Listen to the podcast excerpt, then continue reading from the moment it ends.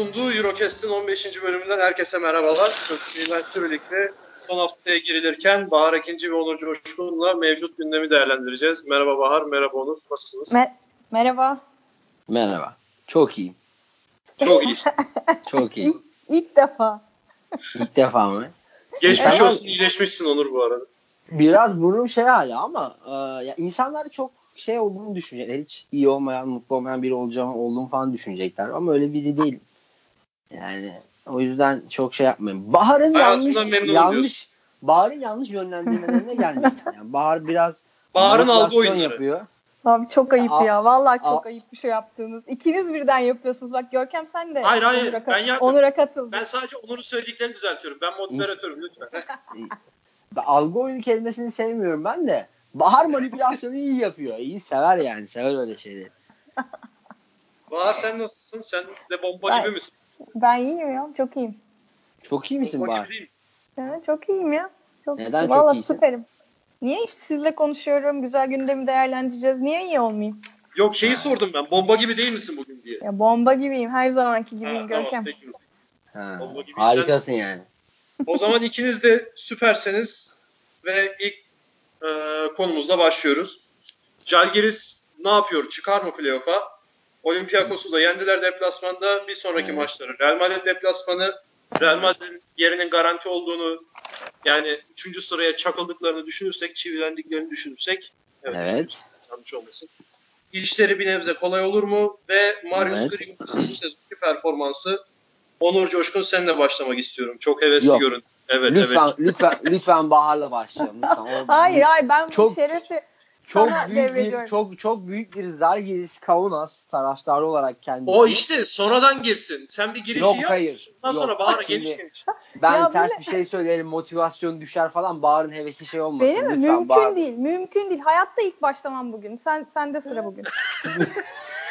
Bu niye? Bu niye? Bugün Bu böyle. neden? Bugün böyle. Tamam bana ayrılan sürenin sonuna geldik burada. Ee, hadi hadi. Ya. Zalgiris, Zalgiris Kaunas evet zor bir şeyi başardı ama e, koskoca Olympiakos'un maç topunun Brante Weber'ın orta mesafesine kalması beni çok üzdü. Yani Zalgiris Kaunas'ın oynadığı oyun kadar benim dikkatimi çeken şey oydu. Yani yüreğim parçalandı bunu gördüğümde. Ama bu hafta alınan sonuç neticeyi değiştirmeyecek. Olympiakos playoff yapacak. Zalgiris yapamayacak diyorum ben hala. Çünkü Real, Ma- çünkü Real Madrid yenecek Zalgiris Kaunas'ı. Ee, böyle düşünüyorum. Peki Aa, geçen ne de- haftaki yorumunun üstüne David Blatt seni hayal kırıklığına uğrattı mı? Uğrattı evet. Sezon performansı zaten uğrattı. Biz e, ya Fatih Bel'le konuştuğumuzda şunu söyledik. Ya bu sezon e, takım potansiyelinin %30'unu 35'ini oynuyor Olympiakos. %30'unu oynuyor hatta. Tabii ki hayal kırıklığına uğrattı. E, dün, geçen hafta da uğrattı. Ben Olympiak, Olympiakos'un bir çok zorlansa da kazanacağını düşünüyordum. Ama maç sonunu çok kötü oynadılar. E, yani koskoca Olympiakos'un da maç sonunu Leo Westerman denen e, basketbolcuya benzeyen arkadaşın e, oynattığı takımın rezalet dendi. Ya bu bugün bu yayında benim söylediklerime saygı duyulmuyor. Ben çıkmak istiyorum yani böyle olmaz. Ha. Hadi hadi tamam. Gerçekten var Abi yani. estağfurullah Ben- saygı maygı saygı, Ya gerçekten saygı- yani rezalet Evet. deniyor. Ya, yaptığım yorumlara rezalet deniyor. Yani bu ortamda da Öyle bir şey Dendi mi ya bu programda? Yok canım. Rezaletlendi Ba- mi herhangi bir Ba- şey? Bahar dedi az önce ama Yok Öyle canım. Mi Nereden? bana? Yok desem derim demedim. demedin mi? ya inanamıyorum. Gerçekten inanamıyorum. Yani kulaklarım iyi işitiyor bu aralar Ay yani yani de. ağzıyla kuş tutması mı gerekiyor Westerman'ın? Yani hani tamam son yani ilk sezona giriş tamam farklıydı, sakatlandı, tam kötüydü, kötü bir transfer olduğunu düşünüyoruz ama yani bari bu maç özelinde rezalet deme yani. Ha, ben bu maç üzerinde rezalet demedim. Ben şuna rezalet Ha, dedim. Westerman'ı tamam. Aa, Pardon West- benim hatam. Ya şimdi bir kere şöyle bir durum var şimdi. Aradaki farklılıkları anlamak gerekiyor. Ben Westerman'ın maç performansına rezalet demedim. Şuna rezalet dedim.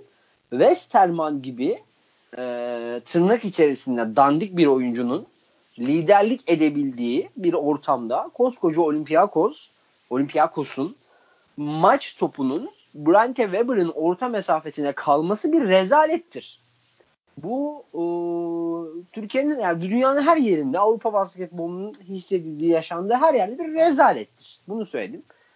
Burada tabii bunun rezalet olarak adlandırılmasının iki nedeni var. Birincisi işin Weber'ın orta mesafesine kalıyor olması. Bu bir büyük bir facia. Buradan Dave Platt'e sesleniyorum. Böyle olmaz yani bu iş. Ee, ikincisi yani bir takım nasıl maç sonunu Leo Westerman'ın liderlik ettiği bir takımdan daha kötü oynayabilir? İkinci sorum da bu. Özellikle bu takım Olympiakos'ken.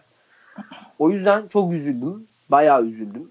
Zalgiris'in kazanmasına Bahar sevindiği için sevindim. Gerçekten bunu söylüyorum. Yasikevicius'u çok severim zaten ama bu seneki Zalgiris'in ben playoff'la olmayı hak ettiğini düşünmüyorum. Olympiakos'un da olmayı hak ettiğini evet. düşünmüyorum bu arada. Onu da belirteyim. Bu sene bence playoff 7 takımla oynanmalı. Real Madrid direkt finale çıkmalı diye. E, Onur öyle istiyor. Ama şimdi Bahar'ın Bahar'ın sorduğu soru şu düzlemdeydi daha çok. Hani Leo Westerman'ın olduğu takımın playoff'a kaldı kalıyor olacak olması. Yani playoff'a kalma ihtimalinin olmuş olması. Kaldı kalıyor evet Euroleague'in Euroleague'in kalitesizliğini gösterir. Euroleague Leo Westerman oyuncu... hakkındaki fikrini değiştirmiyor yani. Değiştirmiyor. Euroleague şu an 2000'lerin ortasındaki oyuncu havuzu kalitesini mumlu aramaktadır. Mumlu arayan bir organizasyona dönüşmüştür. Şu an Tabii yani şöyle yaklaşık 5 senedir çok, falan öyle. Evet. Bakın çok 2013-14'ten itibaren böyle. Çok net bir şey söyleyeceğim size. Gelecek tüm linçleri kabul ederek söylüyorum bunu. Tabii, Sıkı lütfen. durun. 30 milyon euroluk bütçesi olan Fenerbahçe'nin birinci yönlendiricisi Kostas Sulukas'ta ve diğer tüm faktörlerle birlikte bu takım normal sezonu elini kolunu sallaya sallaya lider bitiriyorsa ve ilk 3 takım Fenerbahçe, CSK, Real Madrid yine elini kolunu sallaya sallaya sezonu ilk 3'te bitiriyorsa bana burada Euroleague'in ne oyuncu kalitesinden bahsedin ne koç kalitesinden bahsedin. Rica ediyorum. Ki bu haldeki Olympiakos'un hala playoff şansının olması, bu Zalgiris'in hala playoff şansının olması, bu iki takım bu halleriyle bundan 3-4 sene önce bile böyle oynasalar yani hani gelen geçen yenerdi. Gelen geçen yenerdi yani. O yüzden ben şimdiki Euroleague'in mevcut seviyesinin 4-5 yıl önceye göre çok geri gittiğini düşünüyorum. Ve bir basketbol sever olarak bu işin öyle veya böyle içerisinde bir insan olarak bu beni rahatsız ediyor. Bahar buna da katılmayacaktır şimdi. Ya aslında öyle değil Onur diyecektir ama bu konuda çok ciddi bir şekilde sürekli işin aslında yani mesela bana e, oyuncu kalitesizliğinin oyuncu kalitesini düşürdüğün en büyük kanıtı nedir biliyor musunuz? Şimdi buradan Bahar'a sözü vereceğim. Evet. En büyük ispatını söylüyorum size. Abi Fenerbahçe ile yazın antrenman kadrosuna çıkıp orada bile yani hani öyle böyle oynayan e, Alen için hala Euroleague'den kontrat bulabiliyor olmasıdır bu oyuncu havuzun havuzun kalitesizliğinden büyük göstergesi. Böyle bir şey olamaz yani. Bu mümkün değil. Bu kabul edilebilir bir şey değil. Senin veremiyor, ver başka bir alternatifin olması lazım. Bu kadar. Yani, Alenomi, Alenomi hala kontrat buluyor abi birlikte. Böyle bir şey olabilir mi ya? Bu şuna benziyor. Ya. Tutku açık gelse bugün oynasa BS'de kontrat bulabilir mi? Ya da ne bileyim başka bir bulur. Türkiye, Türkiye Ligi'nde çoğu guard'da iyi oynar şu an. Hı-hı. Ama bu bir opsiyon değil lig için. Bak bizim ligimiz için bile sürekli patır patır takım kapanan lig için bile bir opsiyon değil bu. Onu anlatmıyor. Alenom için bitti abi. Efes'ten sonra kariyeri mi kaldı Alenom için? Efes'te birlikte bitti. Zaten orada inceldi o böyle. Çok kalındı Gran Canaria'da. inceldi. Bütün oyunun alameti farikasını kaybetti orada. Şimdi sen hala bir Euroleague takımı gidiyor Alenovic'e kontrat veriyor. Abi Dangubic'in falan kontratı var Bayern'de. Lütfen. Lütfen. Yani, yani. Şey, o yüzden ben e, ben heh, söyle. Lütfen söyle. Bitir ondan sonra gireceğim. Yok yok lütfen ben şeyim bugün. Neyse. Ee, bu, bugün şeyim biraz ya.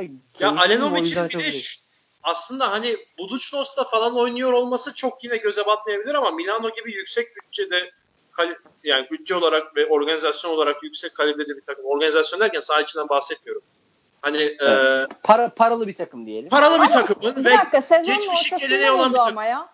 Sezon Efendim? Sezonun son ortasında Fark buldu yani bunu da. Fark Hayır etmez. yani şöyle şöyle oldu. Yani sakatlıklardan kaynaklı nereye gidebilirse oraya gitti. Şimdi yani tamam geçen, işte. 2013, ben de diyorum 14, ki tamam diyorsun da 13-14 yılında da olsaydık da sezonun ortasında elde bu çok kaliteli adamlar olmayabilirdi yine de. Yani tam Bundan sezon daha ortasından bahsediyorsun. Olurdu. Bundan daha kaliteli Varsayın tabii bu şu anda. Değil Peki. ya o zamanki oyuncu havuzunu biliyorum. Varsayın falan değil. Hı, tamam. 10'da, 2010'daki, 2011'deki, 2012'deki, 2013'teki, 2014'teki oyuncu havuzunu biliyorum. Yani Değil bu varsayım falan. Ya ben hatırlıyorum Fenerbahçe'nin sezon ortası yaptığı transferlerin hiçbirinden Aziz hariç hayır gelmedi. 13-14 Yani- sezondakilerden gelmedi. Çünkü 13-14 sezon 13-14 sezondaki transferleri Nedim Karakaş yaptı. Çünkü Nedim Karakaş transfer yapmayı bilmez. Evet. Buradan itibaren itibaren bu konuya tekrardan döneceğim Grigonis üzerinden. Aklımda bir şey var. Ee, Bahar, Jalgiris Kaunas diyorum ve sözü sana bırakıyorum. Derya Deniz var önünde. Sahne senin. Ya, Anlat e, bakalım Bahar neler diyeceksin? Ben de çok merak ediyorum yani şu an. Merakla bekliyorum. e, biz bu sakatlıkları konuşurken Onur'la e, sanırım Ocak ayının sonuna doğru falandı. E, Jalgiris üzerine iddiaya da girdik. Yani playoff yapar mı yapamaz mı? Onur yapamaz kısmında hala yapamayacağına inanıyor. Ben kesinlikle bu hafta Real Madrid'i yeneceklerini düşünüyorum. Olympiakos'u yeneceklerini de düşünüyordum. Geçen hafta konuştuğumuzda da zaten e, geçen yılla kıyasladığımızda yine Olympiakos'u yendiklerini, sonra CSK'ya gidip CSK'ya yendiklerini konuşmuştuk. E, burada da ben aynı senaryoyu bekliyorum. 1, 2, 3, 4, 5. maç üst üste aldıkları. E, yani o, burada tabii Olympiakos da çok yardım etti. David Blatt da çok yardım etti. E, Jalgiris'e bence. E, ama bu yakaladıkları hava inanılmaz. Motivasyon. E, yani Olympiakos da bu maçı çok istiyor olması gerekiyordu. Aslında o, o motivasyonla başladılar ama yine liderinin sahada olmuyor olması, liderinin kim olduğu bilinmeyen bir takım. E, Jalgiris, bu kadar motive Jalgiris karşısında işte şeyin sonunu çok kötü oynadı. Maç sonunu çok kötü oy- oynadı. Yani Weber kaç kere maç sonu oynamış, Euroleague'de ne zaman gelmiş, ne zaman buraya alışmış. E, ben katılıyorum hani David Blatt'ın böyle bir şey yapmıyor olması gerekiyordu. Yani bu karar Weber'in elinde olmamalıydı. Ama dönüp bakalım 7 kişiden skor bulmuş Olympiakos sadece bu maçta. Yani o kadar kötü oynuyorlar ki sadece 11 veya işte 12 asist falan yaptılar yanlış hatırlamıyorsam. Olympiakos gibi bir takımın 12 asiste kalması mümkün mü? Yani değil. Yani eski Olympiakos olsa ezer geçer Jalgiris'i zaten. Jalgiris'in bu halini. E, Printezis oynamıyor. Bir tane Li- Lidey vardı. Lidey müthiş başladı sezona. Yani Evet. kı- 30'larda 40'larda e, verimlilik yakaladığı sezon e, şeyler oldu. Haftalar oldu. E, Lidey bu maçı eksi 3 ile falan bitirdi. E, yani tabii Jalgiris'in kazanmasına e, bu işte yine her zamanki gibi dağılan Olympiakos kültürünün ve moralinin ve motivasyonunun çok büyük etkisi vardı. E, Jalgiris aldı. Burada Grigonis'e geçeceğiz sanırım. Evet. Ee, Ondan önce bir şey söylemek istiyordum ama. Ee, sen dedin ya sağ yani liderinin sahada olmaması dedin. Tamam kenarda olabilir Spanulis ama biz maç esnasında da konuşmuştuk. Ben yazmıştım e, WhatsApp'ta da. Hani Hı hı. Weber mı Zekli değil mi? Birisi böyle çok kritik bir zamanda hani maçta tutan basket attı veya öne geçiren Olympiakos'u. Hı, Tam şu an evet. Doğru. Yani Spanulis gayet sakin, sakinden daha fazla. Hani böyle bir yani olaya tepkisi sıfırdı. Belki bilmiyorum öyle bir insandır. Hani Ya O genelde çok çok heyecanlı ve çok kendisini yani po- po- poker e, yüzlü aslında yani Spanulis çok heyecanlı gösteren bir oyuncu değil yani normalde sahada da mutlu olduğu mutsuz olduğu anları çok fazla anlamıyorsun ama yani e, yorumlamak gerekirse evet yani ben zaten bir ne havlu sallasaydı bari hani. Doğru, doğru ama e, yani bütün sezon e, bence çok kötü geçirdi. Yani motivasyonel olarak, e, zihin, me- mental olarak, e, zihinsel olarak e, zaten süre alamadı adam gibi. istediği gibi oynayamadı, istediği gibi yönetemedi. E, ya bilmiyorum hani e, bence bitmiş o. Yani kafası da gitmiş. Öbür e, Yunan oyuncular da gitmiş, bitmiş yani. Bir şekilde. Peki bu yaz Ol- Olympiakos'tan ayrılır mı? Ee, bu arada kontratı ne zaman? Yani bu sezon son mu bilmiyorum. bilmiyorum. Onu biliyordur belki.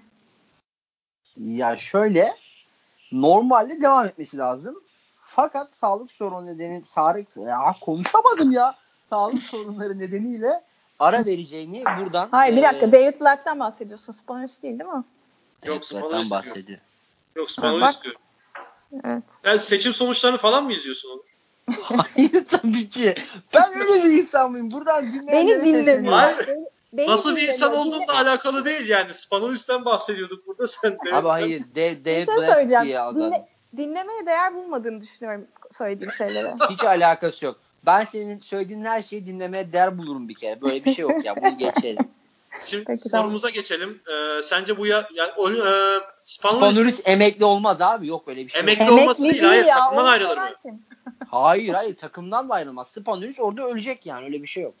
O zaman bilet ayrılacak. Zaten Spanovic Bilet kalacak. ayrılıyor, bilet ayrılıyor. Bilet bir, bir sene falan takım çalıştırmayacak. Bunu buradan söyleyelim yani. Ha, yani Evet. Sağlık sorunu olmasa bile şüpheli ama sağlık sorunundan dolayı kesin çalıştırmıyor. diyor. Sağlık sorunu olmasa devam eder abi. Başka bir Evet. takımda devam ederdi de en kötü adam kötü Yok, kötü ayakta duramıyor yani. Adam ayakta duramıyor gerçekten yani. Evet. Kötü durumda. Ee, buradan Marius Grigonis'e geçelim. Bahar senle devam edelim istiyorum. Şimdi e, önce benim söylemek istediğim bir şey var Marius Grigonis'le ilgili. Benim Marius Grigonis'le ilk tanışmam ekran başında e, 2017 FIBA Şampiyonlar Ligi Final Four'uydu. E, Banvit'in de oynadığı. Yarı finalde Monaco'yu yenmişti hatırlarsınız. Finalde de ev sahibi Iberostar Tenerife'ye mağlup olmuştu ve Final Four'un MVP'si de Marius Grigonis'ti. İlk ben orada görmüştüm kendisini. O sezon geçen sene de işte Alba Berlin'e transfer olmuş ve bu sene de Žalgiris Kaunas'ta EuroLeague çerçevesinde gayet iyi bir performans gösteriyor. Şimdi bu bu Marius Grigonis'in kar- e, kariyer ilerlemesine baktığımda aklıma direkt Türk genç basketbolcular geliyor benim. Öncelikle onu söyleyeyim. Şimdi sürekli şöyle bir geyik dönüyor ya. Bizim çocuklarımız oynasın. Fenerbahçe'de hiç Türk yok falan. Sahaya hep 5 yabancıyla çıkılıyor falan filan bilmem ne. Şimdi bu adam Marius Grigonis kaç yaşında? 24 yaşında. 1994 doğumlu. 2014 yılında Žalgiris Kaunas'tan ayrılmış. Bir sene kiralık oynamış. İspanya'da 3 sene kalmış. 3 farklı takımda. Bir sene de Almanya'da oynamış. Ve burada da kendini kanıtladıktan sonra geçen sene Final Four yapan Žalgiris'in şu andaki durumundan bağımsız konuşuyorum. Bir sene önce Final Four oynayan Žalgiris'e transfer olacak kaliteye gelmiş. Yani e, baktığımız zaman genç Türk oyunculardan veya yurt dışında oynayan oyuncularımız kesin NBA'de oynuyor. Hani herhangi bir Avrupa'da, Euroleague'de başka takımlarda oynayan, başka ülke takımında oynayan bir Türk oyuncu görmüyorum ben. Yani bu kariyer planlaması konusunda Türk oyuncuların ne kadar eksikliği var? Marius Grigonis'i örnek alacak olursak. Bahar. Sana soruyorum. berbat yani berbat durumdalar yani Türk oyuncular. Yani bunun nedeni tamamıyla e, Soruya çok ufak bir ekleme de yapmak istiyorum. Çok özür dileyerek. Hani Grigonis biraz yanlış bir şey mi olur? Nasıl diyeyim? Referans mı olur bu konuda? Onu da bir size sormak istiyorum. Önce Bahar senle başlayayım. Lütfen devam Yani bence o bence olmaz. Gayet de güzel bir örnek olur. Ee, yani biz e, yanlış hatırlamıyorsam birkaç hafta önce Onur'la Avrupa kariyerinde e, Avrupa'da oynamış Türk oyunculara baktık değil mi? Onur 10 kişi mi bulduk toplasan? Ondan fazla değildi sanırım değil mi? 10 yine fazlaymış ya. Ben yine ondan az Evet evet ama bazısı yani e, işte Türk koçla gitmiş vesaire falan. E, öyle de bir etkisi var. Birkaç tanesi öyle. E, ya şimdi bu tamamen zaten Türkiye'nin e, başlı başına sporcu problemi yani. E, buna girersek hani çıkmamız da çok zor olabilir ama e, Türkiye'nin bu, bu konudaki durumu berbat. Yani burada kontrat aldıkları zaman e, kendilerini mutlu hissediyorlar. Kendilerini geliştirmek konusunda en ufak bir e, gayretleri vesaireleri de yok. Hiçbir zaman da olmadı. Belki buradaki yabancı sınırı vesairesi de onları tembelleştiriyor zaten. E, e, altyapıdan sonra çıktıklarında ben oldum edasıyla zaten e, herhangi bir e, diğer yabancı oyunculara benzeme niyetleri vesairesi de hiçbir zaman olmuyor Türklerin. E, Grigonis buna da bence çok güzel bir örnek. E, bu arada yani e, sezona iyi de başlamadı. E, kötü başladı. İlk yarısı sezo- sezonun e, o kadar harika geçmedi Grigonis için. Hatta Yeskevicius e, birkaç maç önce Grigonis'le ilgili şöyle bir açıklama yaptı. O kadar iyi çalışıyor ki e, beni ve takımı ve sistemi çok iyi anlamaya başladı. İkinci yarıdan sonra müthiş geçiriyor. E, çok da çalışkan bir oyuncu diye harika bir açıklaması var onun için. E, 16 ile 29 arasındaki bütün maçlarda ilk neredeyse ilk 5 başladı. 14 maçın 11'ine yakınında ilk 5 başladı. 3 maç hariç de hep çift tane skor üretti. Yani aslında Jalgiris playoff'a yaklaştıysa ve playoff yapabilme ihtimaline girdiyse bu Grigonis'in etkisinden kaynaklı. Kesinlikle yani. Ee, hep çift tane skor ve çift taneli verimliliği var. Son 5 maçta da inanılmaz bir sorumluluk aldı. Ee, yaşına rağmen diyeceğiz ama bu arada Mitsic'le aynı yaşta. Yani neredeyse. Mitsic'ten büyük Yani yaş. 94 doğumlu. Mitsic de 94'lü. Yanlış hatırlamıyorsam. 94'lü mü? Ha, ben 95'li diyorum. Do- Guduric Evet. 95'li. Evet doğru. Evet. Ee, ya bence Jalgiris bugün bu noktadaysa e, playoff potasındaysa kesinlikle Grigonis'in çok büyük etkisi var diyorum ben. Yani şu şu aklıma geliyor benim direkt yine aynı konular.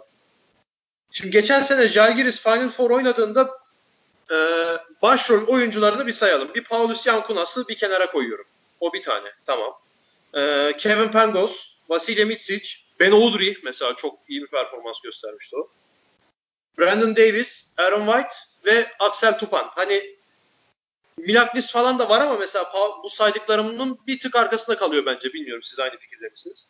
Yani bir tane Litvanyalı oyuncunun başrolde olmasıyla Final Four yaptı Jalgiris Kaunas ki Litvanya'da hani öyle şeyden Angarya'dan bir basketbol ülkesi tabii ki de değil. Hani hepimizin malumu.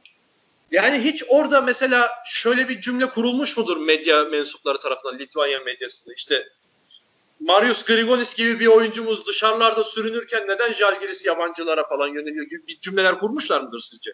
Onu sen daha yakından takip takip ediyor olabiliyorsun. Var mıdır abi öyle bir şey? Öyle şey yoktur. Ve Ama mümkün de şey değildir şey yani değil mi?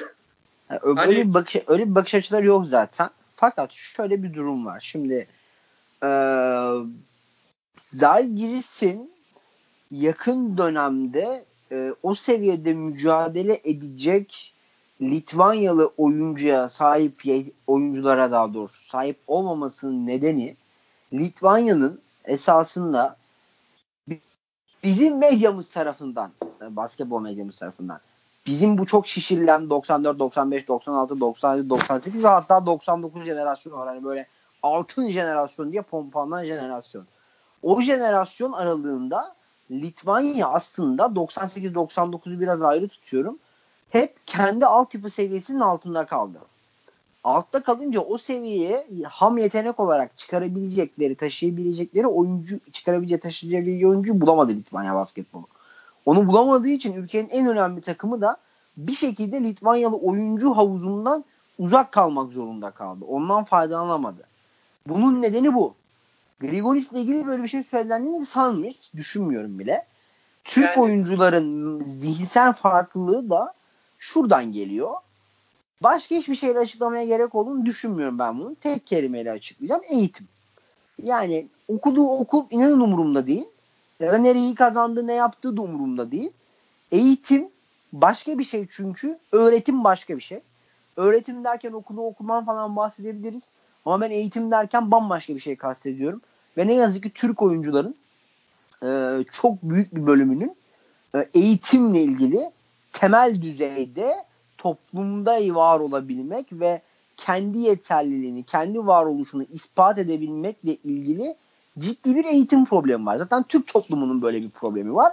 Böyle bir problem var olduğu için de bu oyuncu işte menajer ittirmesiyle, annesinin babasının ha oğlum hadi buraya imza at demesiyle, onu yapmasıyla, bunu yapmasıyla hop altyapıdan çıkar çıkmaz 500 bin liralık kontratı imzalıyor. Altına arabayı çekiyor adam oldum sanıyor. Bu kadar basit. Başka hiçbir açıklaması yok bunun. Ve bu tamamen eğitimsizlik. İsim Grigor... vererek soracağım sana. Sen lütfen devam et Onur bitirdikten sonra. Grigonis'in böyle bir şey yok abi. Grigonis çünkü çıktığında bir şey elde etmemiş. Adam daha kazanmak zorunda, bir şeyleri elde etmek zorunda olduğunu biliyor. Hayatını kazanmak zorunda olduğunu biliyor. Bakın şöyle bir bakış açısı farklılığı var. Bizde kolay olan para kazanma yolu spor. Ama bu adamlar da belli bir seviyeye geldikten sonra işte Litvanya gibi ülkelerde işte ana sporun mesela Polonya'da da handball için böyledir bu atıyorum. Evet. Ee, İtalya'da voleybol için böyledir. Yani geldikten sonra belli bir seviyeden sonra maddi kazanımı elde etmeyi amaçlıyor. Oyuncu önce orada var olabilmeyi tercih ediyor. Oyuncu orada daha var olabilmeyi ispatlamadan, varlığını ispatlamadan, rüştünü, rüştünü ispatlamak değil. Onu yapmadan sen oyuncuya 500 bin dolar kontrat verirsen, 500 bin Türk lirası kontrat verirsen yıllık, altına arabasını çekersen, onu yaparsan, bunu yaparsan böyle olur. Ben çok Türk oyuncu biliyorum. Abi adamın üniversitede kaydı var. Bak eğitim zaten yok da. Adamın üniversitede kaydı var. Adam zahmet edip şeye gitmiyor. Daha genç takımda oynarken okula şeye falan gitmiyor. Lisesine falan zaten zor gidiyor. Efes mefes hariç de şey de gitmiyor. A takıma geçti diyelim. İlk yılı çok az oynuyor A takımda. Şey de gitmiyor. Okula da gitmiyor. Üniversiteye kayıt var ama gitmiyor. Bunların ya o zaten var. para kazanmaya giden yolun bir şeyi yani. Türk toplumunun genel yapısı da bu. Hani bu dediğine şöyle bir örnek vereceğim. Geçen sene mi ne NCAA'de iki sene önceydi veya herhalde. Finalde mi yarı finalde mi son şutu sokan öğrenci işte ertesi günkü sınıfa girdiğindeki alkışının videosu geziyordu mesela internette. O mesela ne kadar önemli bir şey okulda okuyan bir çocuk için değil mi? Ama Türkiye'de böyle bir şey pek de Bak, hiç de söz ben- konusu değil. Pek de Ben, değil. ben bambaşka bir örnek vereyim. Ee, benim yeğenim e, Amerika'da voleybol oynuyor. Hı hı. Ee, ve lisede oynuyor. Ee, eğer sınavlarından kalırsa veya işte e, derslerine e, belli bir noktada devamsızlık ederse maça çıkamıyor. Yani maça çıkması yasak. Ee, belli bir not ortalaması tutturmazsa kenara dahi alınmıyor. Yani bench'in arkasında bile oturamıyor yani. Ee, Peki, bana bir bakış açısı var. Aynı derse devam etme zorunluluğunun yanında antrenmanlarla beraber nasıl götürüyor? Şundan dolayı soruyorum. Burada da ben BESY öğrencileriyle muhatap oluyorum. Hı hı. Kurdukları cümleler şu. Hani haklı veya haksız bilmiyorum. Devam zorunluluğu olmasa biz kendimizi çok geliştiririz falan filan. Hani basketbol oyunu. Ha, hayır gayet bak ne yapıyor biliyor musun? Sabahın 6'sında uyanıyor. 6-7 idmana gidiyor. Hı hı. Ondan sonra da dersine gidiyor. Akşam bir daha idmana gidiyor. Yani hiç söylenmiyor. Ve söylediği şey şu. e, çok net hatırlıyorum ben. Burada e, Fenerbahçe'nin spor okuluna üstüne net ve es voleybolda e, vesaire de oynadı.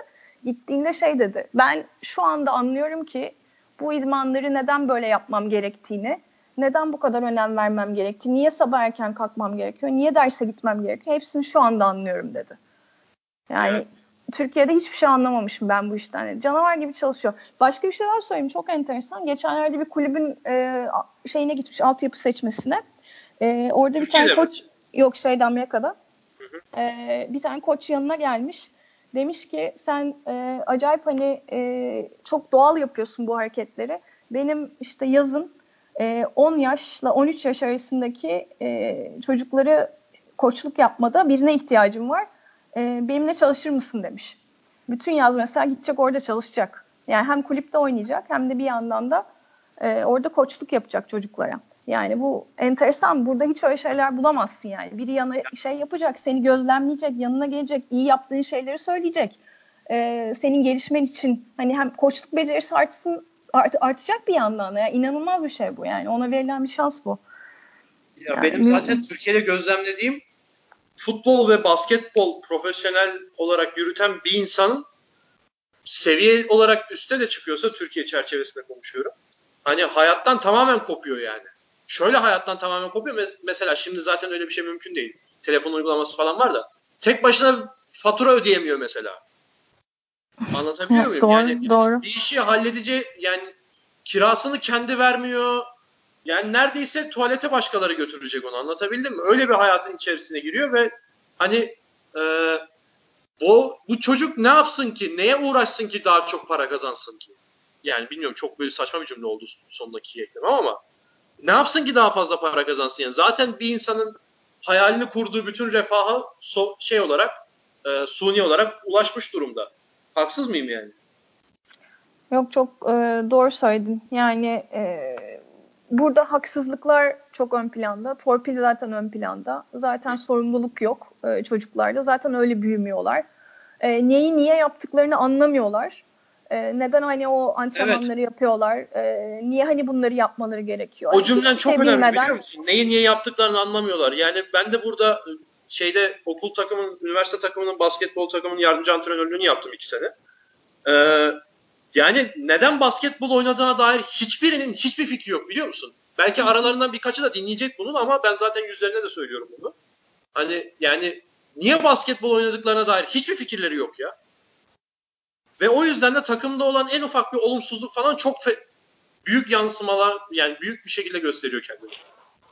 Pro- yani çok büyük problem olarak ortaya Doğru. çıkıyor en ufak bir olumsuzluk bile. Doğru. Peki Onur sana şunu sormak istiyorum. İsim vererek soru soracağım abi. Hatta bilgin varsa da bu konuda direkt verebilirsin de.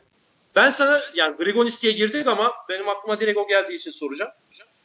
Abi Okbel Ulubay'ın e, hangi takım? Giresun'da bir yarım sezon harikalar yarattığını hatırlıyorsunuz değil mi? Yani 20 sayıya yakın bir ortalaması falan vardı yanlış hatırlamıyorsam. 2015-16 sezonu. Evet. Devre arası niye Darüşşafaka'ya gitti abi? Abi çok basit. Yani daha fazla para kazan istememiştir. daha fazla Yani. para kazanacaktı. Menajer de daha fazla para kazanacaktı. Herkes daha fazla para kazanacaktı. Giresun'da Herkes para ama kazan- sınırlı değil mi? Yani 2-3 kişi falan herkes dediğim. İşte kulüp, Okman, Kendisi.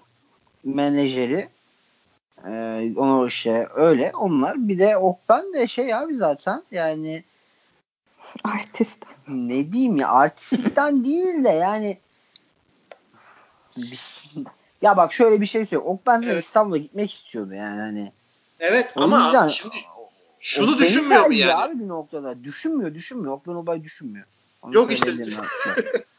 Genelde Yani- düşünmüyorlar işte yani. Abi Okben Ulubay Giresun'da gece kulübü olmadığı için Ordu'ya gece kulübüne gidiyordu Giresun'dan her gece. iki gecede bir ma- Hı hı. antrenman ve maçın olmadığında. Böyle bir adamın orada daha fazla durması mümkün mü yani sizce? Burada Ya tüm şöyle daha gerçekleri fazla anlatmayın. Mesela bir seneyi tamamlasa tamam mı? Play, Gire- Giresun playoff yapsa ve playoff yapanın yıldız oyuncusu Okben olsa ve ertesi sene daha Abi iyi bir bulabileceği bir. İstanbul takımına gitse Öyle bir yani derdi 3 yok sene daha fazla gece kulübüne gider. Daha rahat anlatabildim mi? Abi onu düşünüyor olsa sence ya Ya- kariyerinin başında daha doğru bak Efes'in yardımcı antrenörü var Tomislav. Evet. Cafer Ağa'dayız. TBL maçı izliyoruz. Pertevniyel var o zaman. Kapanmadı da. Hı hı. Okben Pertevniyel'de oynuyor. Okben iki hücum üst üste topu yarı sahaya taşırken birinde top kaybı yaptı. Birinde 8 saniye yaptı. İki hücum üst üste. Tomislav senin yapacağın iş yerin dibine bassın dedi. Bunu kenara aldı ama Tomislav'da hiç bağırma falan yok. Okben geldi. Tomislav ağzını açmadı. Çak yaptı ya. El uzattı sadece. Bench'ten su şişesini aldı. Duvara falan patır. Eline ne gelirse fırlatıyor Okben Ulubay. Abi sen ne yapıyorsun ya? Böyle çok yetenekli. Aşı bak. Ben çok net bir şey söyleyeyim mi? Ya Emir Prezic, yani- Emir, Emir Prezic atanamamış Dejan Bodiroga'dır. Okben Evet. Ulubay da atanamamış Emir Prezic'tir abi. Bu bu kadar basit yani. Ya Okben'i ben alt yaş milli takımlarında birkaç kez izledim. Yani U16 maçında smaç falan vuruyordu rakibinin üstünden böyle hani. Abi o Çok- çok, normal ama altyapında fiziksel olarak bir oyuncu üstün ya şöyle söyleyeyim ben. Ömer Faruk Yurtseven genç takımın ilk maçına 16 yaşına daha yeni girdiğinde çıktı. 18-19 yaşında adamlarla oynuyordu. İki kişi alçak posta falan durduramıyordu. Üçüncü kişiyi çağırıyorlardı yardıma. Yani bu böyle. maçta abi. 97 mi attı? attı? Ne oldu ya Fener'in altyapı takımında? Gideceği sene Türkiye Şampiyonası'na 96 sayı, 28 rebound, Evet. 11 blok mu öyle bir şey yaptı. Yani hani yetenekli olduğu çok belliydi de ama yani ama işte dediğim gibi o net bir gazeteciden de böyle bilgileri aldığımda iyi oldu. Zaten bunları az çok tahmin edebiliyordum da. Ee, bu konu hakkında söyleyecek başka bir şeyiniz yoksa ikinci konumuza geçiyorum. Ben gazeteci değilim bu arada. Onu da söyleyeyim gazeteci değilim. Abi sayılırsın. Gazeteci yani. miyim bari? Sen kendini kabul etmesen bile bence öylesin. Boş ver. Değilim ya ben görmüyorum. Benim nezdimde ben Ben, ben öyle kabul etmek istiyorum. böyle kabul et. Ee, ikinci konumuz Tibor Plyce. Evet. Bu konuyu Onur Coşkun özellikle seçti. Dedi ki Plyce'ı Evet. konuşalım. Bahar ikinci dedi ki hayır dedi olmaz öyle şey. Onur dedi ki benim dediğim oldu. Bu kadar da sert bir insan. Ee, Tibor Plyce, Onur Coşkun sendeyiz. Ne duymak istiyorsunuz? Tam tersini söyleyeyim. Sen ne anlatmak istiyorsun? Ben ne anlatmak yani. istiyorsun? Şöyle söyleyeyim. Ee, ya bir kere tamam şu an çok kısa bahsedeceğim Evet. bu konudan. Ee, şimdi Efes nasıl basket? Bu, bunu şöyle yapabilir miyiz? Bahar'la soru cevap yapmak istiyorum bunu. Tabii lütfen. Hadi bakalım. Bahar, Efes nasıl bir basketbol oynuyor? Güzel. Gerçekten artık çıkacağım yayından yani. Yani yani Evet. tempo tempoya dayalı mı nasıl pasa mı ne? Kıs- kısalar, kısaların daha önemli olduğu e, tempoya Evet. dayalı bir basketbol oynuyor. Peki Efes'in oyununda şut önemli mi? Çok önemli. Alan açmak önemli mi? Evet. Güzel. Herhangi bir pozisyondaki oyuncunun özellikle 4 ve 5 numaradaki oyuncunun şut tehdidinin olması önemli mi? Özellikle Efes'in oynadığı oyunda. Aşırı iyi olur olsa. Evet. Burada şuraya geliyoruz. Tibor Plyce bunu görece yapabilir. Şimdi Tibor Plyce'ın değerli olmasının nedeni şu. Tibor Plyce'ın eee, çok büyük zaafları var savunmada. Bunu kabul ediyorum. Ya buna hiçbir lafım yok. Bence zaten çok da sahada uzun süre kalabilecek bir oyuncu da değil. Ama burada e, Ergin Hoca'yı eleştirmek zorundayım. E, eleştireceğim. Tibor Plyce'ın e, Baskonya maçında gördük ki özellikle Ergin Ataman'ın kafasında oynatmak istediği oyun içerisinde kısa süre içi, kısa sürelerde Tibor Plyce verimli olabilir. Çünkü e, özellikle e, handoff'u kapatamayan, e, handoff savunmasını iyi yapamayan ya da e, off picklerin off picklerin ardından pick and pop'ta açılan oyuncuyu takip edemeyen e, takımlara karşı e, Tibor Plyce ki Baskonya bunlardan biri. E, Tibor Plyce ya topsuz oyun yeteneği aslında çok yüksek olmayan takımlara karşı diyerek özetleyebiliriz onu. Tibor Plyce önemli silah. Tibor Plyce'ın orta mesafesi var. 3 sayıyı yüzdeli çok sokamasa da hiç yüzdeli sokamasa ya. da ya tamam yüzdesi tartışılır ama alan aslında dışarıda kullanabiliyorsun. Sıfır denmez Tibor, yani. Evet te, şey yapmazsın abi bomboş bırakmazsın. Şimdi yani. şöyle bir şey var.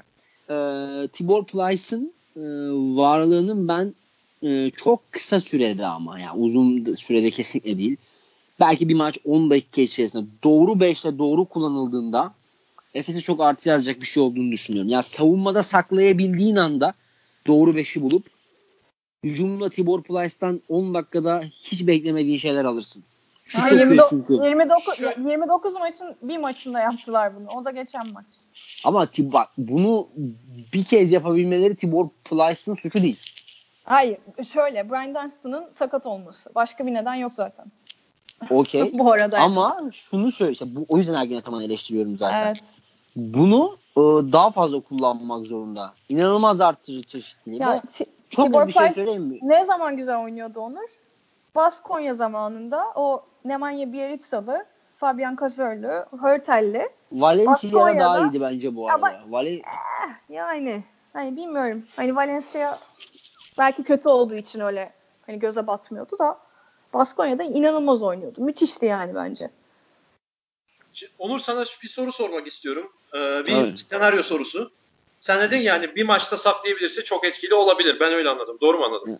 Evet doğru. Ee, Efes'in olası Final Four'unda evet. yarı final maçında mesela evet. final, geçen seneki finalde Fabian Cazor'un çıktığı gibi Plyce evet. bir maçı kurtarabilir demeye getirdiğini varsayabilir miyiz? Kurtarır demiyorum ama oyunun yönünü çok ciddi şekilde değiştirir. Yani çok kat ya. Bunu böyle kullanabilirsen av, avantajı eline geçirebileceğin bir e, şey sağlar sana. Bir o bir kırılma anı sağlar. Ama Kazör'ün yaptığı maçı getirmek o başka bir şey. Ama o kırılma anını yapabilir. Çünkü o kadar agresif değil yani. O bir maç yani bir sürü evet, maç getirebilecek yap- kadar değil yani. Hayır, bir sürü maç değil. O maçın içerisinde bunu devamlı olarak da sürdürülebilir olarak da getirebilecek bir evet, oyuncu değil. Evet, Kazor gibi. Orada katılıyorum bari. Ama o kırılma yaratabilecek bir oyuncu ve şu konuda çok net söylüyorum sizlere. Hı hı. Playoff'a kalan takımlarda şeyi düşünün. Yani Barcelona'da ilk 5'i düşünelim. Final Four'da gördüğümüz acaba evet. Barcelona'nın acaba sevdikleri takımlarda Real Madrid hariç elindeki uzun rotasyonu itibarıyla e, Tibor Plyce'ın bu tehdidine e, kendi planını değiştirmeden çözüm üretebilecek takımda yok. Bu kadar da iddialıyım. Fenerbahçe, Fenerbahçe bunu üretemez. Yan Veseli'yi çıkaramazsın abi oraya. Yan Veseli'yi çıkarırsan oraya arkada kimse topsuz koşu falan takip etmez. Hmm. Şey çıkaramaz yani. Antitomic'i çıkarsan evlere şenlik. Hiçbir şey yapamazsın. CSK Moskova Heinz'i çıkarsa bu sefer Will Clyburn falan o kadar handoff takibi yapmıyor. Peki Loven tutamaz mı? Ya Loven önce bir iyileşsin ya. Yok ben iyileştiğini varsayarak soruyorum. Çok zor. Ayakları yavaş Lovern'in abi. Yakalayamaz. Çıksa bile yine orada ya, pas da atıyor çünkü abi Plyce. Yani 10 dakika bunu bunu bak not edelim. Ben Plyce'ın e, Ergin Ataman başarabilirse fark yaratabilecek bir yer. Final Four'un böyle değişik bir adam olabileceğini düşünüyorum ama kullanabilirse tabii. Ya bir şey evet, söyleyeyim. Evet. Bütün sezon boyunca ortalama yani 5 top kullanmış zaten. Yani baktığında. Yani var, o kadar ama bak böyle şeyler. Final Four başka kadar, bir şey. Haklısın ama şöyle bir şey var. Yani bu e, Efes'in oyun planında uzunlar düz koşu yapıyorlar yani genelde.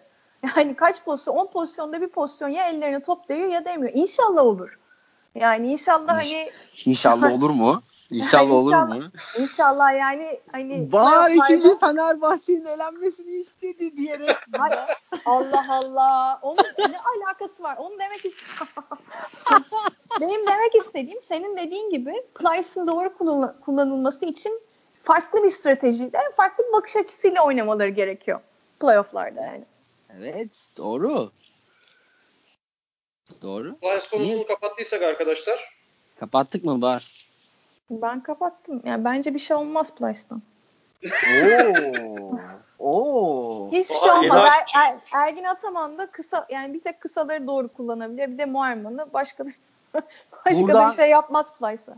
Buradan Tibor Plyce ve Ergin Ataman'a seslenmek istiyorum. Lütfen.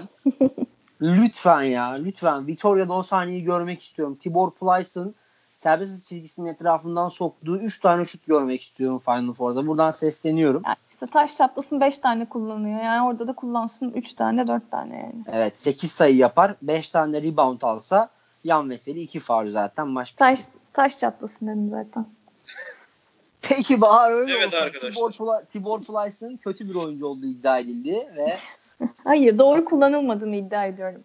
tamam işte belki o kullanır diyorum. İyi hadi bakalım. Peki İstemiyor musun arkadaşlar. kullanmasını yoksa? Bir Türk takımının selametini istemiyor musun sen Bahar? Hayır hepsini istiyorum olur. Hepsi iyi olsun. Onların hepsi benim çocuklarım diyeceğim. hepsi benim bebeklerim, hepsi benim bebeklerim. Öyle mi diyorsun? Evet. Nasıl, nasılsın Bahar? Yayın nasıl sence şu an?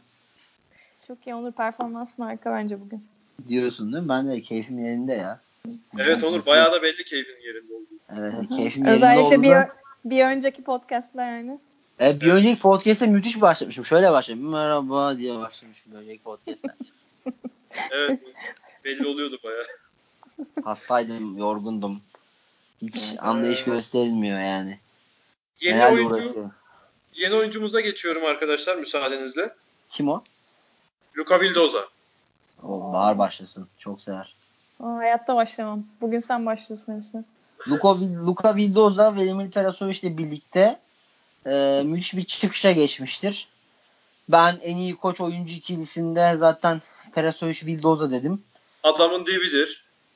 Öyle değil. Buradan da buradan buradan bir şey söyleyeceğim ya. Öyle bir yorum yapmam ben. Ben öyle bir yorum yapmam aslında. Yok öyle, öyle diyecekmiş gibi girdin de Yok yok. Şö- şöyle bir şey söyleyeceğim buradan. Ee, ya gerçekten insanımızın ben okumadığını biliyordum da dinlemiyorlar da galiba. Dinlediklerinde de bir yani şey var. Ee, hatırlıyor musun Bahar sen Rising Star'ı Mistic'e vermiştin. Hı. En iyi Evet. takım ikimiz de Efes seçmiştik. Hı hı. O podcast'ta şöyle bir yorum geldi. Efes dururken nasıl Efes'i en iyi takım seçmezsiniz?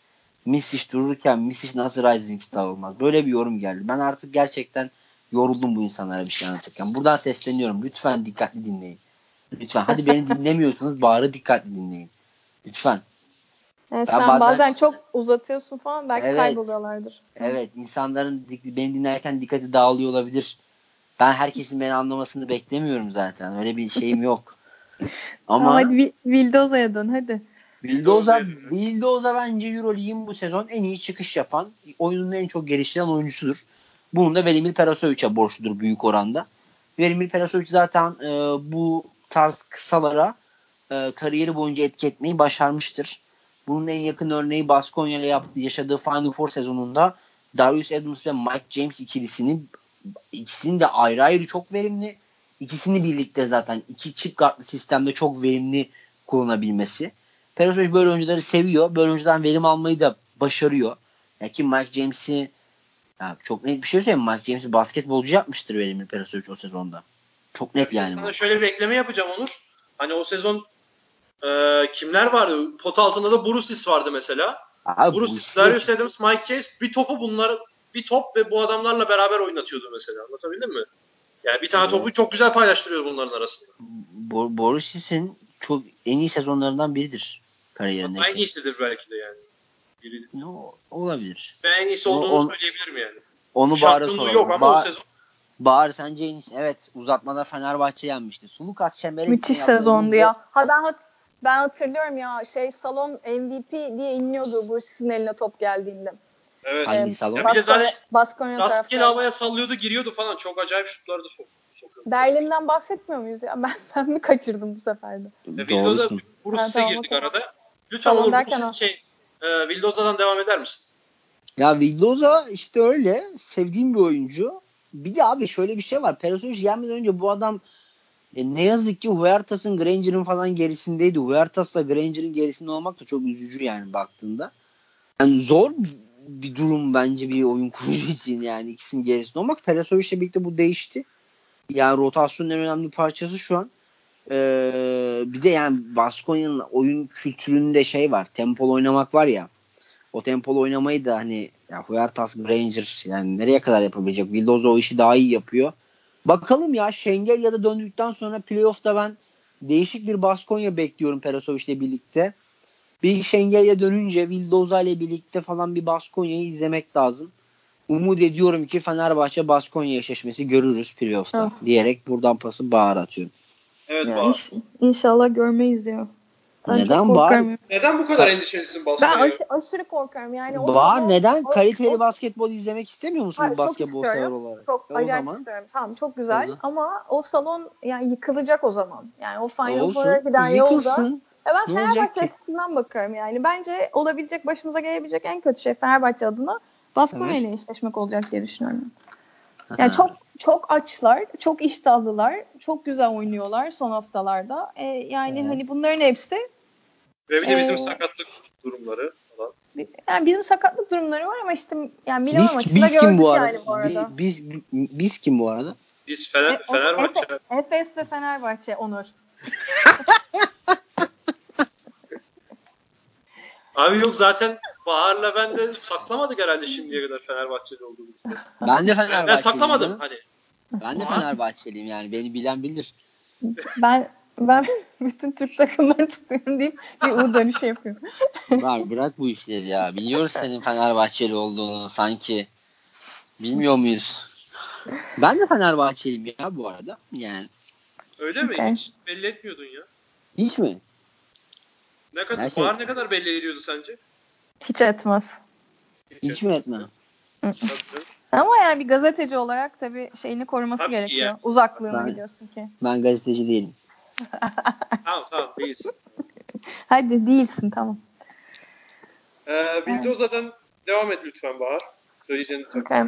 Yani Vildoza'nın e, işte biz geçen hafta bu ödülleri dağıtırken sezon bitmeden e, orada da demiştim. Yani başına gelmiş en güzel iki şey. Bir tanesi Granger'ın sakatlanması. ikincisi de Perasovic'in Oo. gelmesi. E, Oo. ne oldu? O mu? Per- Perisic öncesi e, Pedro Martinez'le birlikte yaklaşık 15 dakikalarda süre alıyordu.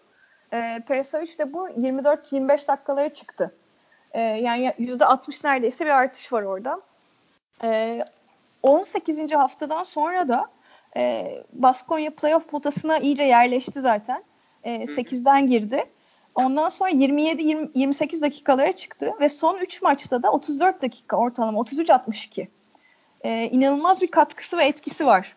Yani bu e, yatsınamaz bir gerçek yani. yani. Zaten rakamlarından da belli oluyor. Bir de bir yandan dönüp baktığımızda ben e, sezonun MVP'lerinden bir tanesi olacağına inandığım ve benim MVP'm Poirier'di. E, Poirier de evet yani bana göre inanılmaz oynuyor. Baskonya bu noktaya geldiyse Windows'un payı var ama Poirier'in de Şengelya'nın yokluğunda ciddi bir payı var. Yok ona Ee, katılıyorum da MVP kısmı bana biraz Ben- şey geldi ya. Ben ben normal sezonun MVP'si olabilecek ya eğer playoff yaparlarsa son maçı Hı da alırlarsa ki alacaklarını düşünüyorum zaten. e, ben ben hani biliyorum hani katılmayabilirsiniz. Çok alternatif bir e, şey ödül bence ona gitmesi. E, ama e, Vildoza ve Poirier'in uyumunun çok büyük etkisi var. Hem Poirier'in e, performansının artmasında ve Baskonya'nın da zaten bu noktaya gelmesinde. E, yaklaşık hani yaptığı bütün asistler içerisinde e, neredeyse %30'unu Poirier'e yapmış.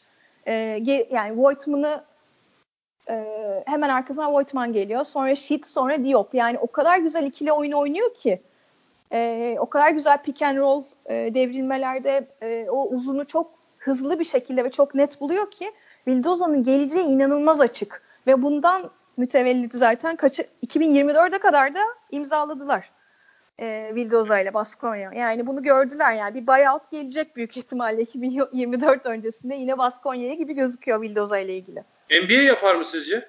Hayır. Bence de. Var. ya. Bence de yapamaz. O kalibrede değil yani henüz.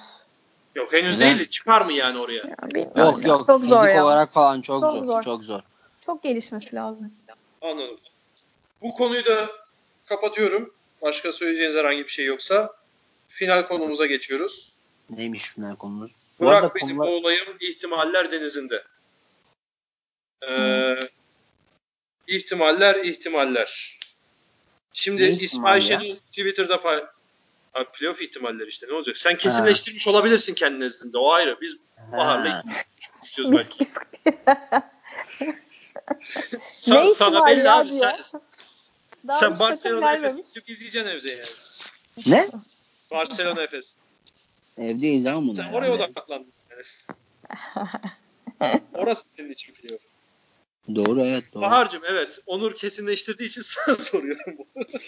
ben onları dinlemek istiyorum. Ya ben bu ihtimallerden kafam çok bulanıyor. Siz konuşun. Evet. Ben araya İşte- gireyim yani. Ben hiç bilmiyorum ihtimalleri. Twitter'da efendim Ben hiç bilmiyorum ihtimalleri. İsmail'in attığı Twitter'da bakmadım İsmail Şenol'u. o şeyi paylaşmış. Hani e, bu Excel içine falan yazmış. Kim maçı kazanırsa Hı kim hı. kaçıncı sıraya oluyor falan.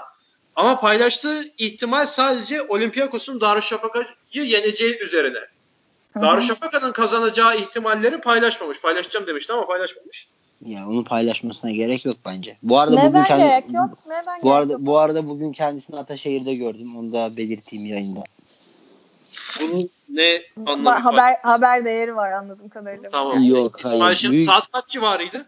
Oy kullan oy kullandıktan sonra görmüş olabilirim. Eşiyle birlikte kahve alıyordu Starbucks'tan. Vay be. Saat kaçta? Hatırlamıyorum. Görünce böyle bir soğuk rüzgarlar esti aramızda zaten. Ne oldu aranız bozuldu? Oo, benim hiç kimseyle aram iyi değil. Abi bu Görkem, her tanı. şey yapıyorsan zaten birileriyle Görkem tanı. Tanı bak kimlerle podcast yapıyorsun.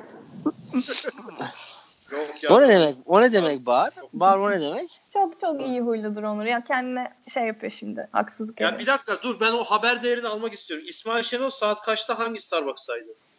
Abi şey var. Ataşehir'de mozaik çarşı var. Bahar bilir. Ataşehir Mozaik Aa. evet. Bu, bunun ne önemi var şu anda? Niye konuşuyoruz bunu? Bilmiyorum. İsmail İsmail Şenol'dan konu açılınca bu bilgiyi Hayır ben verdim. onun paylaştığı şeyden girdim. Sen git tuttun abi dedim ki işte Starbucks'ta gördüm. dedi. Tamam ben ben ona bir dakika şimdi şöyle bir şey. Ben ihtimallere bakmadım. Hı hı. Evet. Ben öyle çok ihtimal çıkarılacak bir durumda görmüyorum zaten. Zira Vay e, be. olacak şeyler belli. Yani Peki ne olacak şeyleri söyler misin? Abi Olympiakos bak bir kaç şey söyleyeceğim. sana. Ben bunları yazıyorum. Gelecek hafta ben bunları teker teker Tamam. konuşmak Şu istiyorum. an Onu Onur'a söyle. tek tek sormak istiyorum Bahar. Hadi, müsaadenle. Tamam. Olympiakos Daçka'yı kim kazanır? Olympiakos. Tamam. Baskonya CSK. Kimin? Baskonya sahasında mı? Şeyde CSK'nın. CSK kazanır. CSK. Efes Milano. Efes alır. Panathinaikos Budućnost. Panathinaikos alır. Real Madrid Žalgiris. Real Madrid alır. Fenerbahçe Maccabi. Fenerbahçe alır. Tamam. Ee, Onur'un ihtimalleriyle sıralamayı sayıyorum. 1 Fener, ya ilk 5 zaten belli. 6 Panathinaikos. 7 Olympiakos. 8 Baskonya ve e, Bahar'ın kabusları gerçek oldu.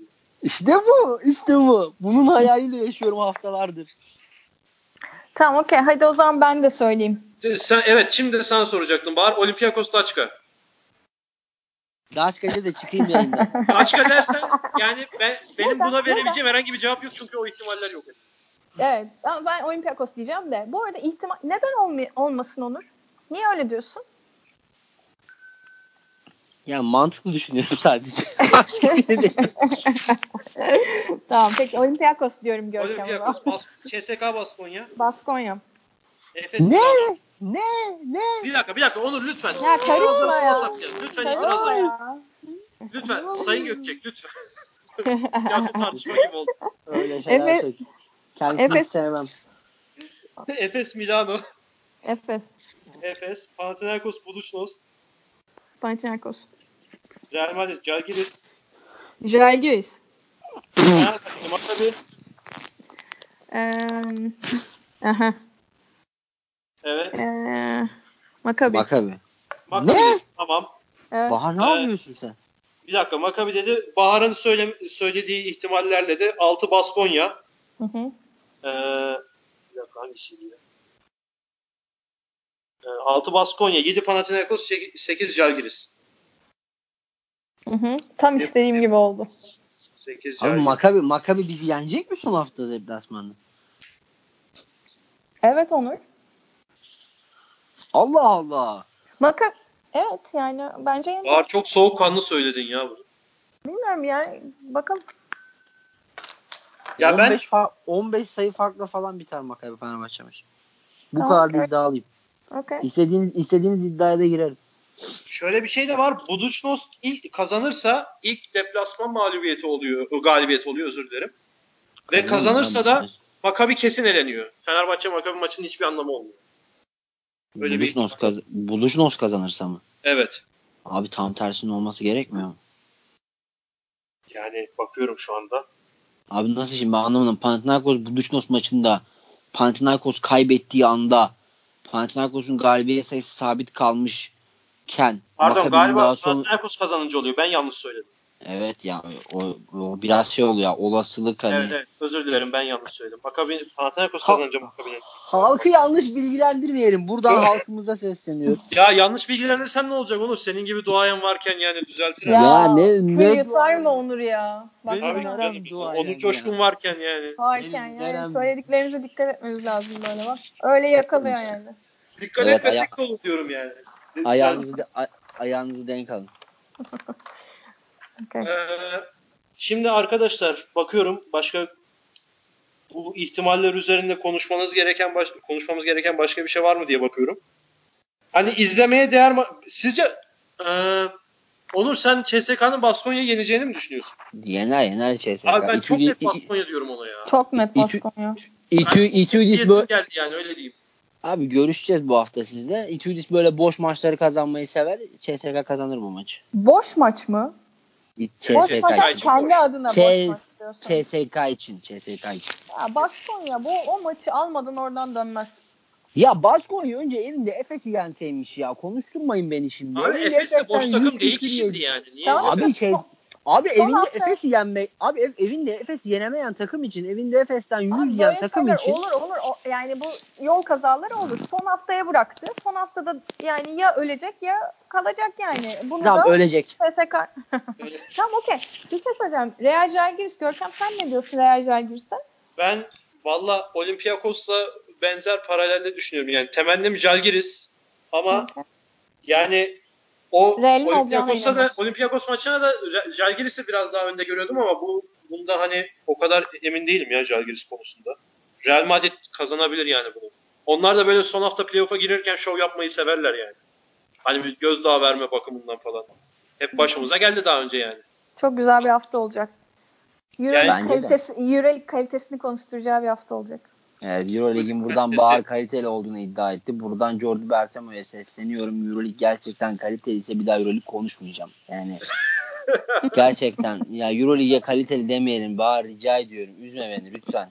Of son haftalarda oynanan maçlar çok keyifliydi vallahi onu bilmiyorum. Evet yani. son haftalarda Türkiye Basketbol Ligi'nde yani BS'nin bir altında oynanan maçlar da keyifli oluyor bahar son hafta. Bu kıstas olmamalı. Ben ya bir şey demedim zaten. Ben sana karşı da çıkmıyorum. Kendi yani sadece yorum yaparım son haftalarla ilgili. Hemen Hmm. şey yapma. Sana karşı. Bir Ya- şey soracağım ya. Bu, Bir şey yapmadım ya. atlamışız. Ee, Bobby Dixon'ı soracağım. Oo. Şöyle sormak istiyorum Bobby Dixon'ı. Ee? Şimdi 2014-15 sezonunda adam Karşıyaka'yı şampiyonluğa taşıdı. Tabii ki yani iyi bir takım vardı ama bir numaralı yıldızı oydu. 2015-16'da Fenerbahçe Karşıda. şampiyon olmuş olsaydı Euroleague'de MVP muhtemelen Ekpeyu da olurdu ama Bobby Dixon adaylardan birisi muhakkak olurdu o CSK maçının sondaki yaptığı hareketler falan filan. Final Four MVP'si mi? Dixon da olabilirdi. Evet işte olabilirdi ama bence büyük ihtimal Yudo olurdu eğer Fenerbahçe kazanmış olsaydı. Kazanamadı zaten. 2016-17'de hadi yani bireysel olarak çok fazla öne çıkmamış olsa bile yani bir sezonda 3 kupa kazanmış bir oyuncu sonuç olarak. Yine bir yani başrollerden bir tanesi. Geçen sezon yarı finaldeki gösterdiği performans ve bunun başka pek çok şeyleri falan filan.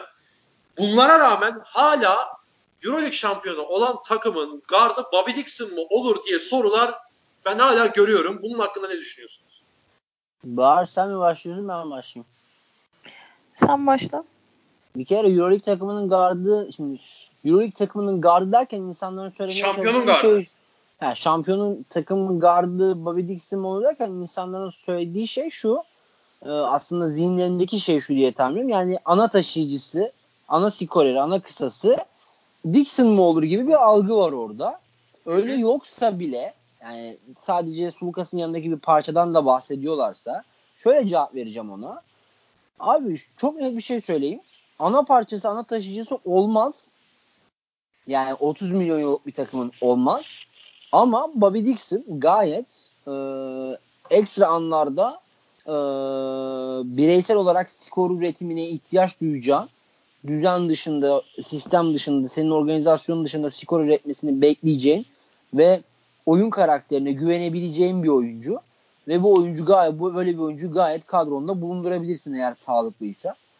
O yüzden ben e, işte Euro, şampiyon takımın gardı Dixon mı olur kısmında eğer yani herhangi bir şekilde kadroda yer almasın, bu kadar sorumluluk almasın gibi bir yorumsa ki sanırım öyle. E, buna katılmıyorum. Yani bayağı alır, süre de alır, rol de alır.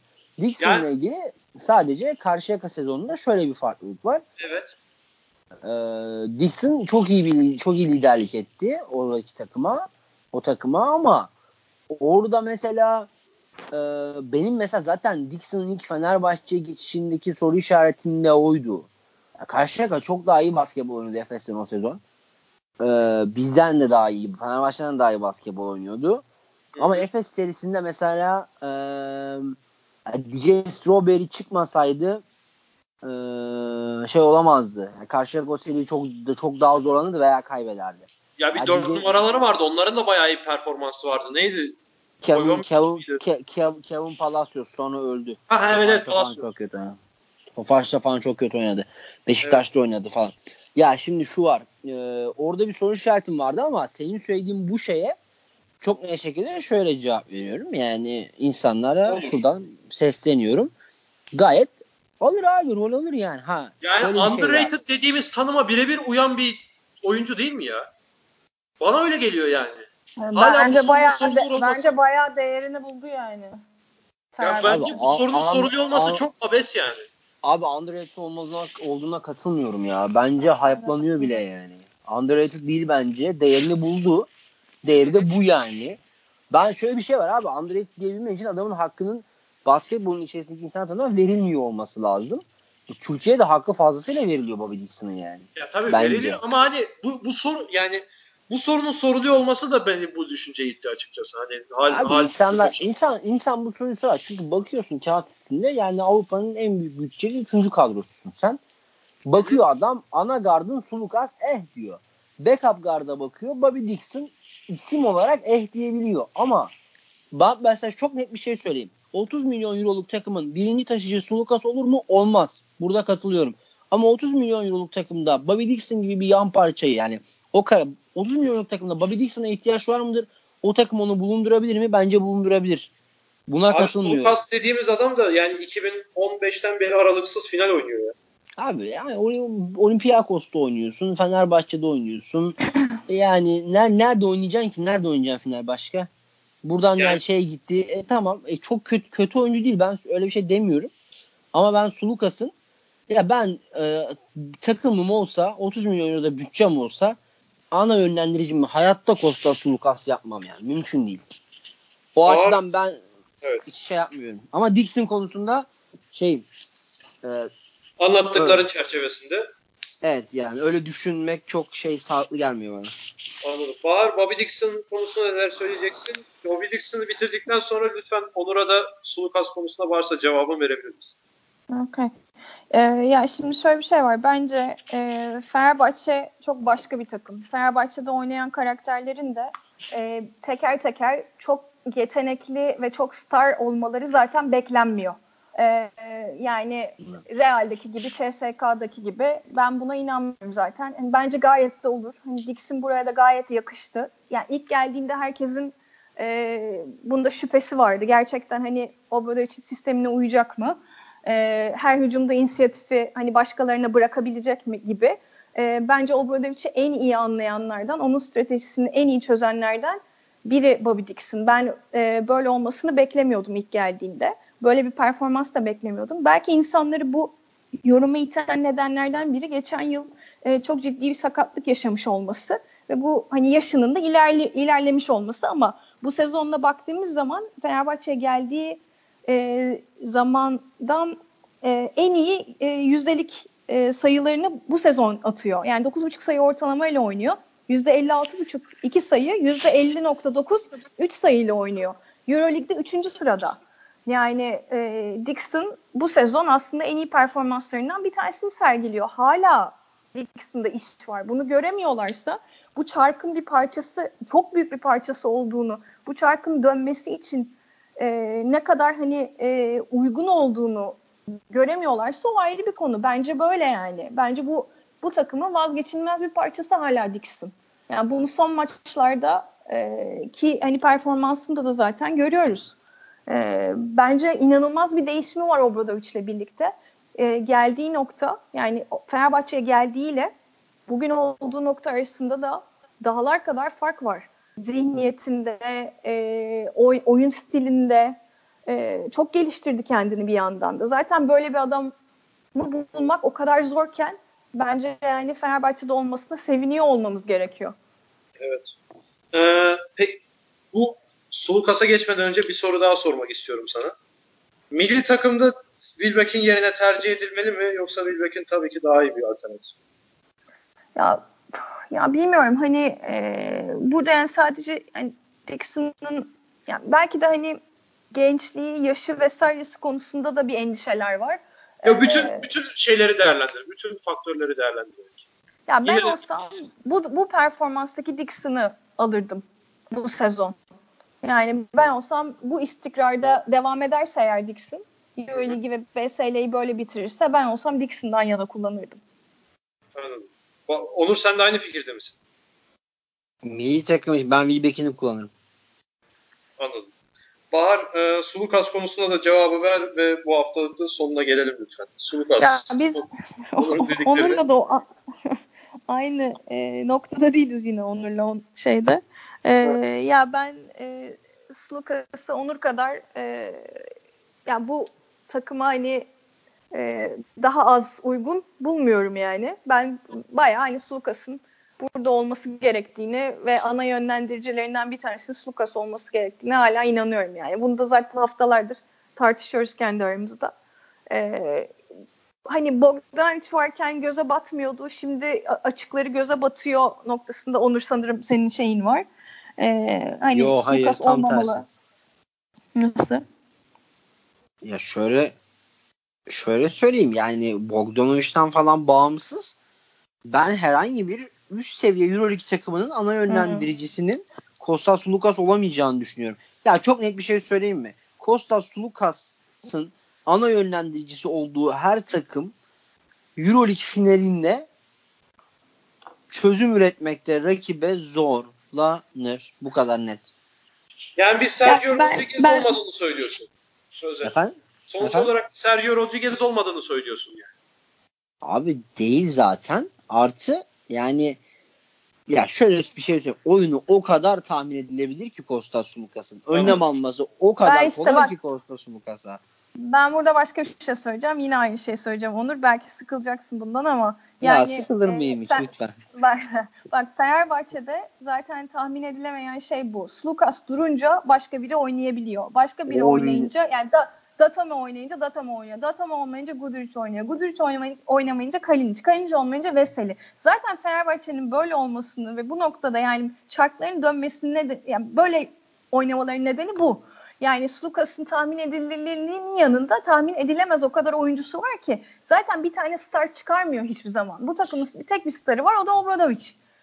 İçin oynattığı oyunda zaten tahmin edilmemek üzerine. Yani için pivot oynaması gibi, için ikili oyun oynaması, devrilmesi gibi. Yani çıkar Lucas yoksa Kalinic oynar, Kalinic yoksa Dixon oynar, Dixon yoksa başka biri oynar. Yani bence zaten Fenerbahçe Fenerbahçe yapan nedenlerden bir tanesi de bu.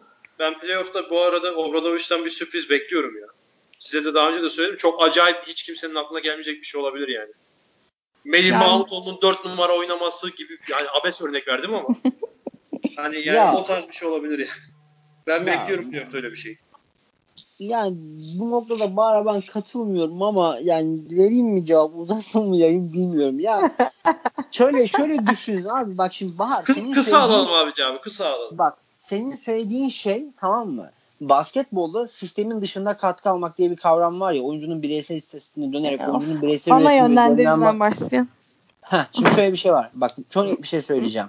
Fenerbahçe'de e, düzenin işlemesi normal sezon artı playoff'ta karşılaşacağı normal sezon atmosferinde tek maç o maçta karşı veya playoff'ta Fenerbahçe'nin sıralaması itibariyle karşılayacağı herhangi bir rakibin normal sezonun büyük çoğunluğu artı playoff'ta.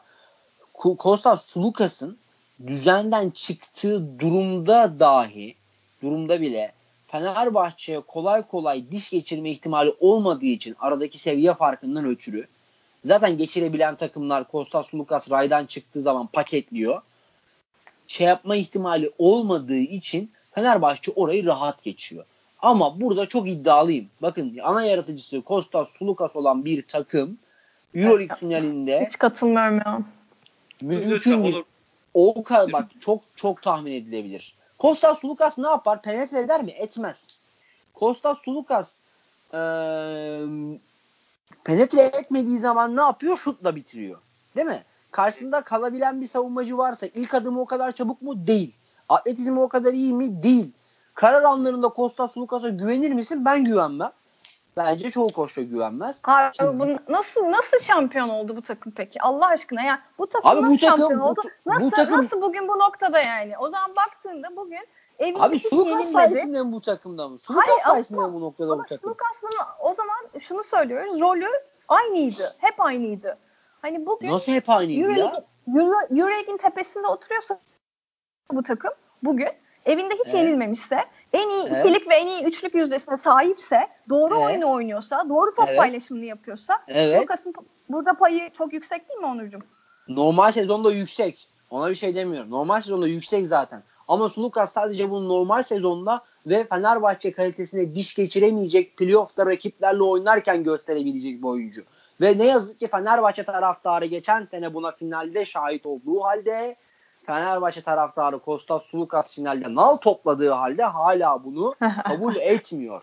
Hala etmiyor. Ben buna inanamıyorum. Tamam ben o Olsa- zaman son bir şey ekleyeceğim Görkem. Kapatalım konuyu Tabii ki. bence. Tabii ki, son bir şey ekleyeyim. Biz ne konuştuk? Finalde Jason Thompson olmasaydı, Je- Geoffrey Lauvergne olsaydı, hadi o olmasaydı, başka bir pi- pivot olsaydı o final bizim değil miydi? O zaman Kostas Sulukas konuşacak mıydık? O Ya- zaman başka biri çıkacaktı. Ben konuşacaktım. şampiyonluğu, yine şampiyonluğu alacaktık. Oyuncuyu takıma- bırak Bahar hani şey de olabilirdi. Araya giriyorum özür dilerim de hani Nicolo Melli o reboundu alsaydı bile olurdu yani. Trey. Neyse işte. Neyse. Abi ben ben yine konuşacaktım Fenerbahçe'nin burada üretememesini. Ha, nal topladın evet Onur konuşabilirdi bu arada. Onur. Evet, konuşabilirdim. Ya ben Kostas Lukas üretemeyince başka bir şey mutlaka çıkacaktır bakış açısıyla bakıyorum. Onur da diyor ki bu böyle bakış açısı olmaz.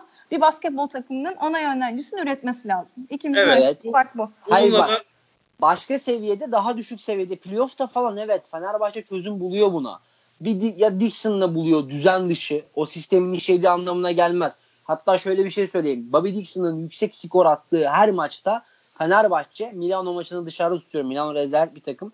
Fenerbahçe'nin yakın seviyede oynadığı, Fenerbahçe kendisine yakın seviyede oynayan oynadığı maçlar, takımlar oynadığı maçlarda Dixon ne kadar çok sayı atıyorsa kendi sisteminden o kadar uzaklaşıyordur Fenerbahçe. Fenerbahçe'nin oyunu çünkü Dixon'ın çok sayı atmasını isteyen, onu talep eden, onu onun olmasını sağlayan bir oyun değil. Bu Zalgiris maçında da öyleydi. Zalgiris Evet. maçını da kötü oynadı Evet. Fenerbahçe.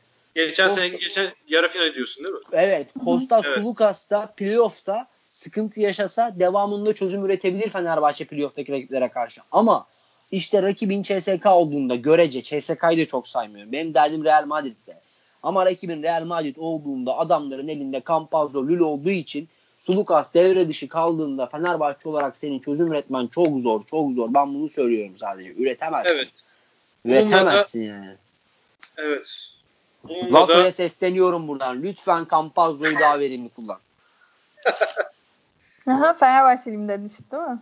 Fenerbahçeliyim tabii. Yo, yo, Ya, ben- yani-? Bence taraftarlıktan çıkıyor olması güzel ki taraftarlıktan çok da çıktığını göstermez. Real Madrid'den baya maçından baya endişe duyduğunu gösterir bu açıklamalar. Yok yok doğru doğru. Ben Abi kork korkuyorum tabii Real Madrid maçından kork. Ben geçen sene de diyordum Real Madrid finali Real Madrid oynayacağımız belli oldu. Herkese diyordum kaybedeceğiz diyordum yani. Ben hatta finalden önce bir yayın bir şey yaptık. O zaman bu kadar çok podcast yapmıyorduk sitede. Dedim kesin bir tane kısa çıkacak şey yapacak dedim yani. Kozor mozor biri çıkacak dedim. Paketleyecek biz yani. O kadar belli ki bunun yaşanacağı. Ya o ben kadar iki, belli ki. iki, iki yarı finalin iki yarı finalde izledim. Hani sertlik seviyesine baktım. Fenerbahçe Jalgiris maçında parkeler çatır diyordu böyle.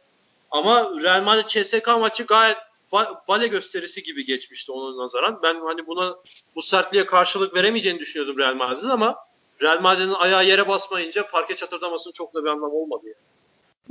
Ben o konuda biraz terse düşmüştüm geçen sene. Ya çok çok bellidir Real Madrid'in bizi yeneceği. Buradan böyle diyerek programı kapatalım o zaman. Evet bununla da Onur Coşkun'un bunun yorumuyla da beraber programı da kapatıyoruz.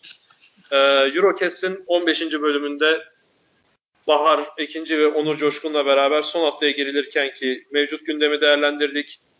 Nerelerden girdik, nerelerden çıktık. Haftaya tekrar görüşmek dileğiyle diyelim. Hoşçakalın. Görüşürüz. Hoşçakalın.